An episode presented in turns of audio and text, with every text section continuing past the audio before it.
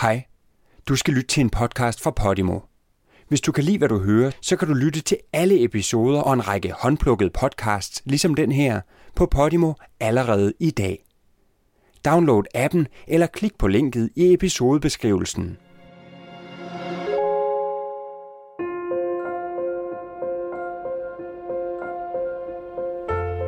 I centrum af København rejser St. Pauls kirkens høje tårn sig op over Nyboders lave huse.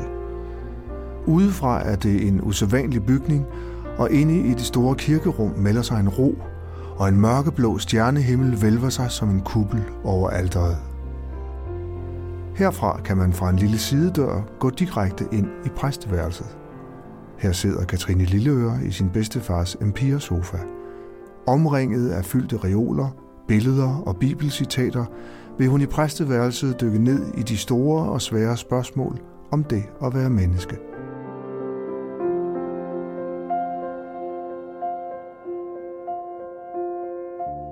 Hvordan undgår jeg at føle mig mislykket her til jul, fordi jeg ikke har kæreste og børn?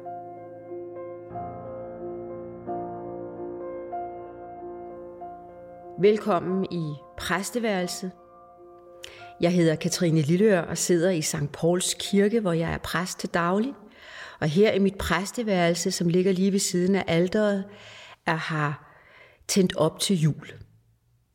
Der er adventskransen, der lyser på bordet, og den har fået en vinbladengel i midten, som jeg har fået en af en af mine unge øh, besøgende her i præsteværelset, hvor man kan komme og tale med mig. Vi aftaler det, og så hører jeg, om det er noget, jeg kan hjælpe med.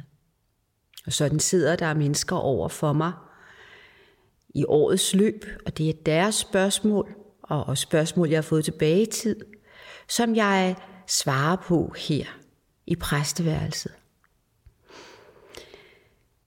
Det er jul nu, og julen vækker altid mange følelser. Og det er som om, at øh, ens liv bliver taget op til overvejelse. Der er sådan en særlig erindring, der knytter sig til jul, fordi vi gør nogle af de samme ting.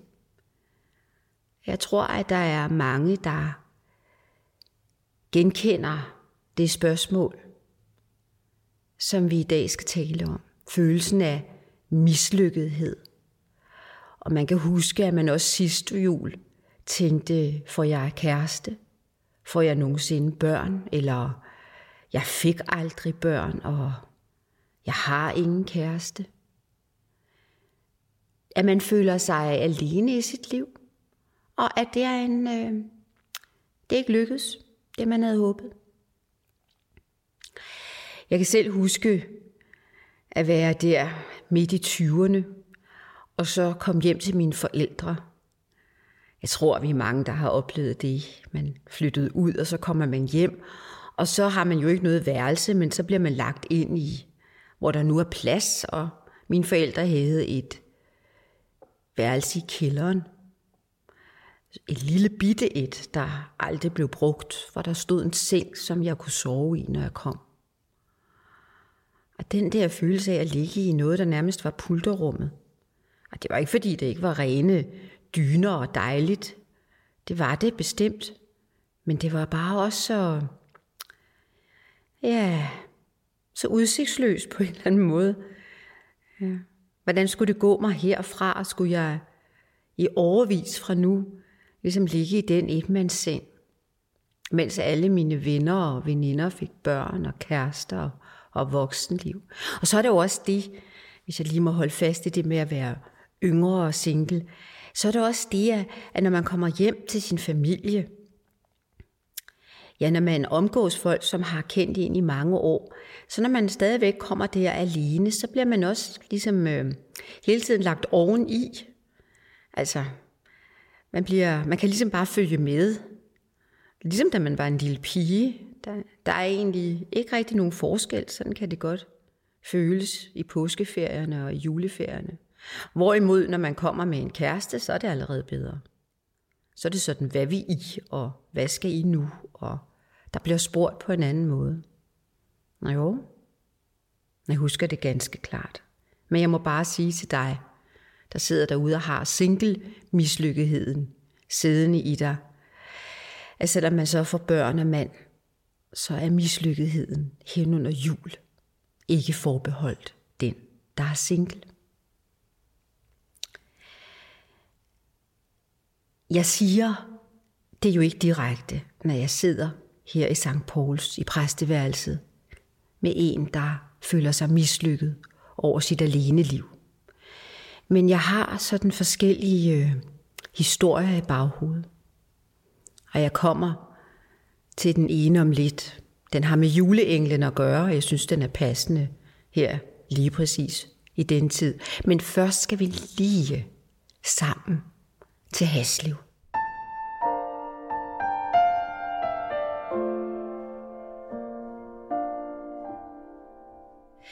Vi skal til Haslev i sidste århundrede, til min mors faster rimor. Hun boede i en stor patriciavilla ned til gadekæret i Haslev. Og øh, hun var min morfars lille søster, og hun kom fra et borgerligt fornemt hjem i Haslev. Min oldefar var fabrikant, og hendes mor var en stærk og bestemt dame, der gik i kirke og som holdt på formerne, og som havde en mening ved at tro om alting. Og hun havde også den mening, at min morfar skulle være præst, og hendes andet barn, faster Rimor, skulle være øh, gift med en præst. Og så taler vi ikke mere om det. Men der var aldrig nogen, der friede. Så Rimor, hun forblev ugift hos sine forældre, og på et eller andet tidspunkt, så lavede min oldefar et hul i muren øh, ud til gaden, og så fik hun en købmandsforretning. Og så kunne hun lege etagerne ud ovenover, og det var sådan, jeg lærte hende at kende. Som en ældre pebermø, som det hedder i gammelt sprog. Faste Rimor er hendes købmandsbutik, som vi kunne lege i, når vi kom på besøg. Påske til påske frokost, så fik vi børn lov til at løbe ud i købmandsbutikken, og det var, det var sjovt. Men da jeg blev ældre, så fornemmede jeg også, ja, aleneheden. Og den stramhed, hun førte sig med. Man kunne ligesom ikke komme ind bag om. Faste Rimor, hun skulle selvfølgelig ikke sidde alene til jul. Det kunne min mormor og morfar da heller ikke have siddende på sig.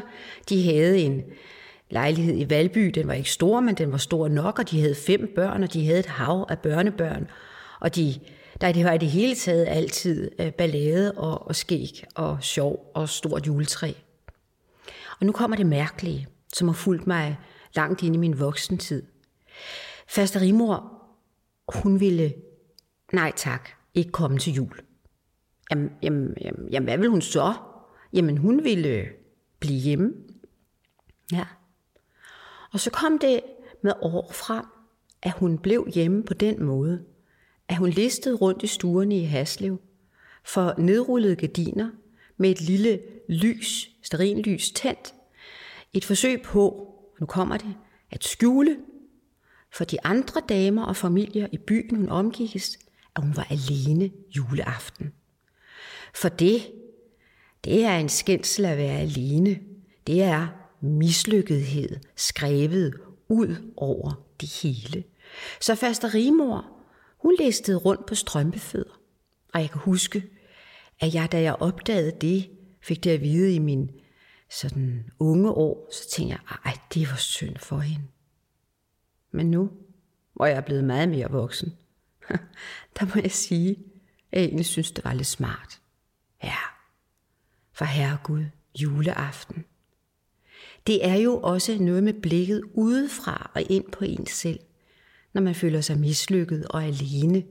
Det er som om man siger, at denne aften, der er det særligt slemt. Hvorfor er det egentlig det? Må jeg så spørge. Er det tanken om, at alle de andre er sammen? Eller det kunne jo også være, at det var en måde at omgås følelsen af mislykkethed på, fordi man ikke spejler sig i de andres blikke. Nå, men mens du overvejer, strømpesokker og stilfærdighed juleaften, så øh, slutter historien om faste Rimor ikke her. Fordi hun gik jo i kirke. Det havde hun lært af sin mor. Det kunne alle de andre damer, hun kendte også. Hun gik hen juledag, den 25. om morgenen, i sin persianerpels. Dejligt overstået var den juleaften, og nu skulle hun i kirke. Og se, det fik jeg heller ikke øje på, da jeg var ung og lå i etmandssengen i min forældres kælder og mærkede følelsen af mislykkethed snige sig ind på mig. Men det har jeg da fået øje på for længst, da jeg selv blev om ikke alene juleaften, så i hvert fald ikke længere var gift med min børns far, og i mit liv på sin egen måde havde fået et skår og en mislykkethed i sig. Der fik jeg øje på, at hun jo gik i kirke rank juledag. Og øh, jeg tror ikke, man behøver at være præst for at kunne høre, at der var noget, hun skulle hen derhen for. Hun skulle hen og høre noget, som man har skulle høre noget i 2000 år. Og ved du hvad? Det er præcis dette noget, som handler om, hvordan vi i dette liv håndterer vores følelse af mislykkethed.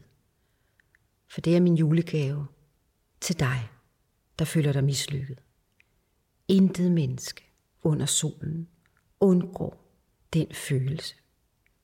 Så det handler ikke om, at du er alene om mislykkethedsfølelsen. Det handler om, hvordan du finder ud af at håndtere den. Og faster rimor, og jeg selv, vi gik i kirke over jo. Og det er sådan, at når man kommer juledag, så skal man hver andet år høre juleevangeliet. Og det kender du godt, det er jeg sikker på. Det kender alle. Det er det med kryben og hyrderne. Ja. Men har du nogensinde tænkt over, hvad der skete lige inden juleevangeliet hos evangelist Lukas? Det er ham, der fortæller juleevangeliet, og det er i hans kapitel 2. Og hvad skete der så egentlig i kapitel 1?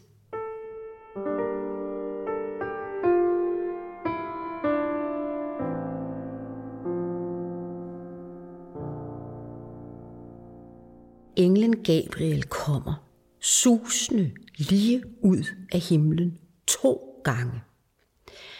Første gang, et par linjer nede i Lukas evangelies kapitel 1, er det over for en mand, der hedder Zakarias, som skal være Johannes Døbers far. Men det ved han ikke endnu. Han står foran det mørke alter i templet i Jerusalem og har altertjeneste og er en urgammel mand, der er gift med en urgammel kone, Elisabeth, og de har ikke fået nogen børn. Og det er han ked af. Ja, Monika han har følt sig, når ja, netop mislykket. Så er det altså uden varsel, at Gabriel lyser lige ind i ham, står foran ham der ved det mørke alter i templet, og siger, frygt ikke, for det bliver en engel altid nødt til at sige. Frygt ikke, frygt indgydende og underligt, som det virker, som han lyser der. Og så siger han til Zakarias, Elisabeth skal blive med barn. Hun skal føde en søn, og I skal kalde ham Johannes. Bliver Johannes far, kommende far Zakarias, bliver han så lykkelig, jublende, at han lige til at rive ud af sin følelse af mislykkethed som barnløs? Det korte svar er nej. Ved du, hvad han siger? Lige ind i en engels åbne ansigt. Han siger, det kan ikke lade sig gøre. Min kone er for gammel. Det siger han. Og englen Gabriel bliver, skal vi bare sige, ret sur. Og siger til ham, vil du være, fordi du ikke tror på, hvad jeg, der er Guds sendebud, siger til dig. Så skal du blive stum, og så kan du lære det. Du skal først kunne tale igen, når barnet Johannes er døbt. Punktum. Og så flyver han videre, og det næste han møder i Lukas evangeliets kapitel 1, det er en lille pige, der hedder Maria, som sidder formentlig alene, må man regne med, da det uden varsel lyser om og i hende. Og der lyder denne store, voldsomme røst, frygt ikke. Og det er Gabriel igen, der siger, at hun skal føde Guds søn. Hvad siger Maria så? Hun siger, det kan ikke lade sig gøre. Det er jeg ked af at må sige. Det kan jeg ikke lade sig gøre, for jeg har aldrig været sammen med en mand. Nu kunne man godt tro, at Gabriel blev rigtig sur igen. Det gør han faktisk ikke. Han siger til hende, Vil du være, Maria? For Gud er intet umuligt. Og så er vi kommet til kapitel 2 og juleevangeliet. Og det er jo her, at englene kommer igen, flyvende lige ud af himlen, lige ned til en mark i Bethlehem, hvor der ligger hyrder. Som der altid har ligget hyrder. Og hyrderne har de nu ligget og bedt i nattevis, nat efter nat, om, at der skulle komme nogle engle. Ej, det har de ikke. De ligger der på den nøgne jord, ude i kulden. Og hvad deres mislykkethed går ud på, det får vi aldrig at vide. Men de har vel tænkt hver deres, som mennesker altid har gjort det. Og så uden varsel står der altså en engelsang om og i dem. Og igen er der en stor engel, og måske er det Gabriel, der råber, frygt ikke. Se, jeg forkynder jer en stor glæde, som skal være for hele folket. Der er født jer en frelser. Og tegnet skal være, at I finder et barn, der er svøbt og ligger i en krybbe. Og ved du hvad, man kan vende sig til at høre dette budskab så mange gange, at man ikke lægger mærke til, hvor helt vildt, ja helt vildt mærkeligt det er. Hvorfor skulle et tegn på, at der altid skal være glæde? Ja, hvordan kan man jo tro på det, men altså, at der altid skal være glæde. Jeg forkynder jer en stor glæde, der skal være, synger englene. Og at denne tegnet på denne glæde skulle være et barn, der ligger i en okses tallerken, altså. For det er jo det, en krybbe er. Et klamt sted. Men hyrderne, de siger ikke, det kan ikke lade sig gøre. De siger, ah, ved I hvad? Det, vi bliver her, gør vi. Vi lægger os til at sove igen. Vi lader som om det ikke skete. De gør det, at de går med. De går med fuldstændig uden reservation, uden indsigelse, uden forbehold og, sl- og helt uden. Det kan ikke lade sig gøre, for min erfaring siger mig, altså tyngdeloven siger mig, og når man ikke har været sammen med en mand, ja, når man er blevet for gammel, og nej, det kommer aldrig til at ske. De siger intet af det. De går med. De går i stedet bare med.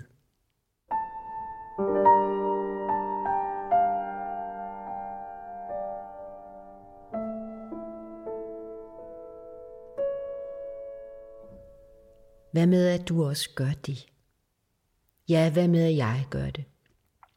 Hvad med, hvad med at vi sammen gør det denne jul? Gå med. Gå med på den tanke. Gå med på det håb, at vi ser for os, at der vil være glæde. Ja, der skal være glæde. At vi også lytter til, at der bliver sagt til os, at vi ikke skal være bange. Frygt ikke. Det er jo det, enhver engel begynder med at sige, både fordi den er voldsom, det er klart, men jo også i dybere forstand. Og det kan man jo nok have brug for at høre denne covid-jul, ikke? Ja, frygt ikke. Der skal være glæde.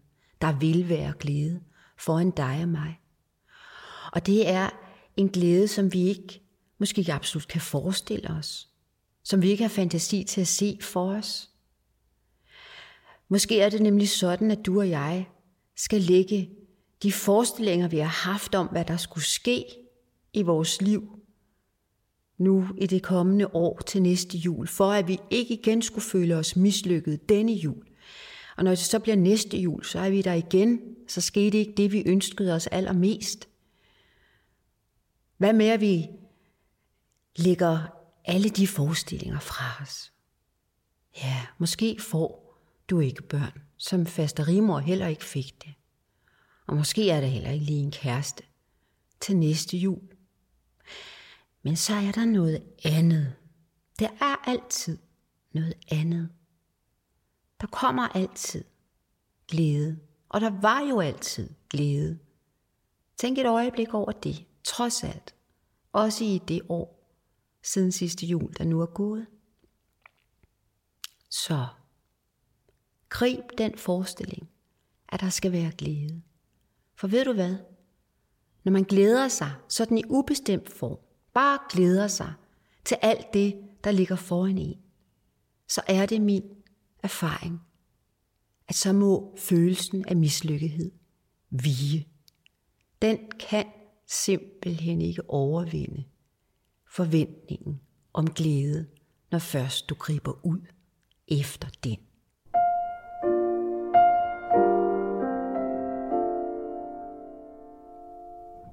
Så glæd dig. Jeg siger af dig. Glæd dig. Gå igennem julen i forventningen om stor glæde. Og husk, at hvor du end går, der går du i Guds velsignelse. Den slutter vi med som altid her til sidst. Og den lyder sådan. Herren velsigne dig og bevare dig. Herren lad sit ansigt lyse over dig og være dig nådig. Herren løfte sit ansigt mod dig og give dig fred.